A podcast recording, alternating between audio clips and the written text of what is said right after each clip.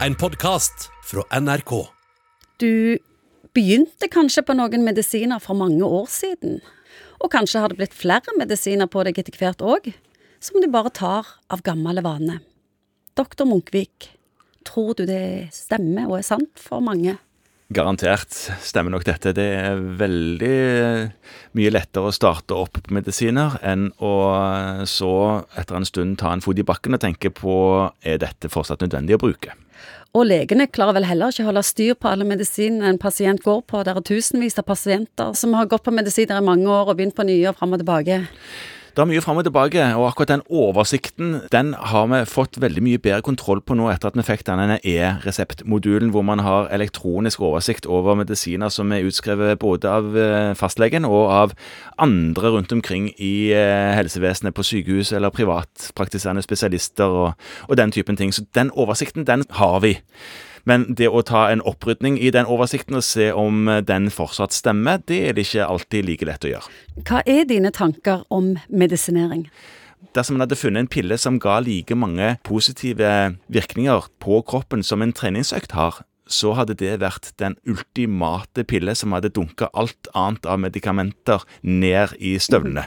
Sånn at man må ikke glemme at som lege så har man andre ting å spille på òg. Men jeg bruker medisiner når det skal, eller jeg råder pasienter til å ta medisiner når jeg tenker at dette er viktig for å eh, ja, redusere risiko for sykdom eller behandle sykdom bedre enn de allerede får behandla sykdommen sin.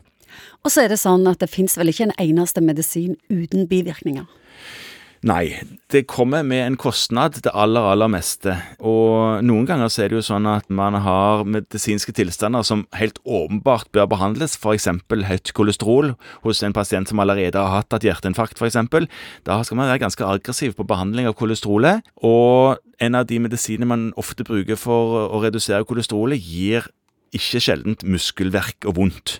Noen ganger så må man altså slutte med den medisinen, selv om man vet at dette her er bra. Og Da må man finne alternative medisiner. Det finnes heldigvis, men man kommer opp i den typen problemer noen ganger at bivirkningene stopper for bruken. Hvem går klassisk på altfor mye medisiner? Det er jo eldre pasienter som opp igjennom livet har hatt indikasjon for forskjellige typer medikamenter, og så har de av gammel vane blitt stående på det. Og eldre i tillegg har en mye lavere kapasitet sånn rent kognitivt oppi topplokket på å håndtere alle de medisinene. Så det er relativt store konsekvenser ved å bruke mye medisiner hos en eldre, så alt å vinne på å fjerne. Og det er kanskje ikke så lurt å begynne med eliminasjonsmetoden helt for seg sjøl? Nei, det kan være lurt kanskje å gjøre det med veiledning. Hvor mange medisiner er det normalt for en eldre person å gå på? Veldig individuelt. Noen bruker nesten ingen, mens andre bruker veldig, veldig mange. Som kan være oppi Ja, det kan være 10-15 medisiner, kanskje. Det går an, det.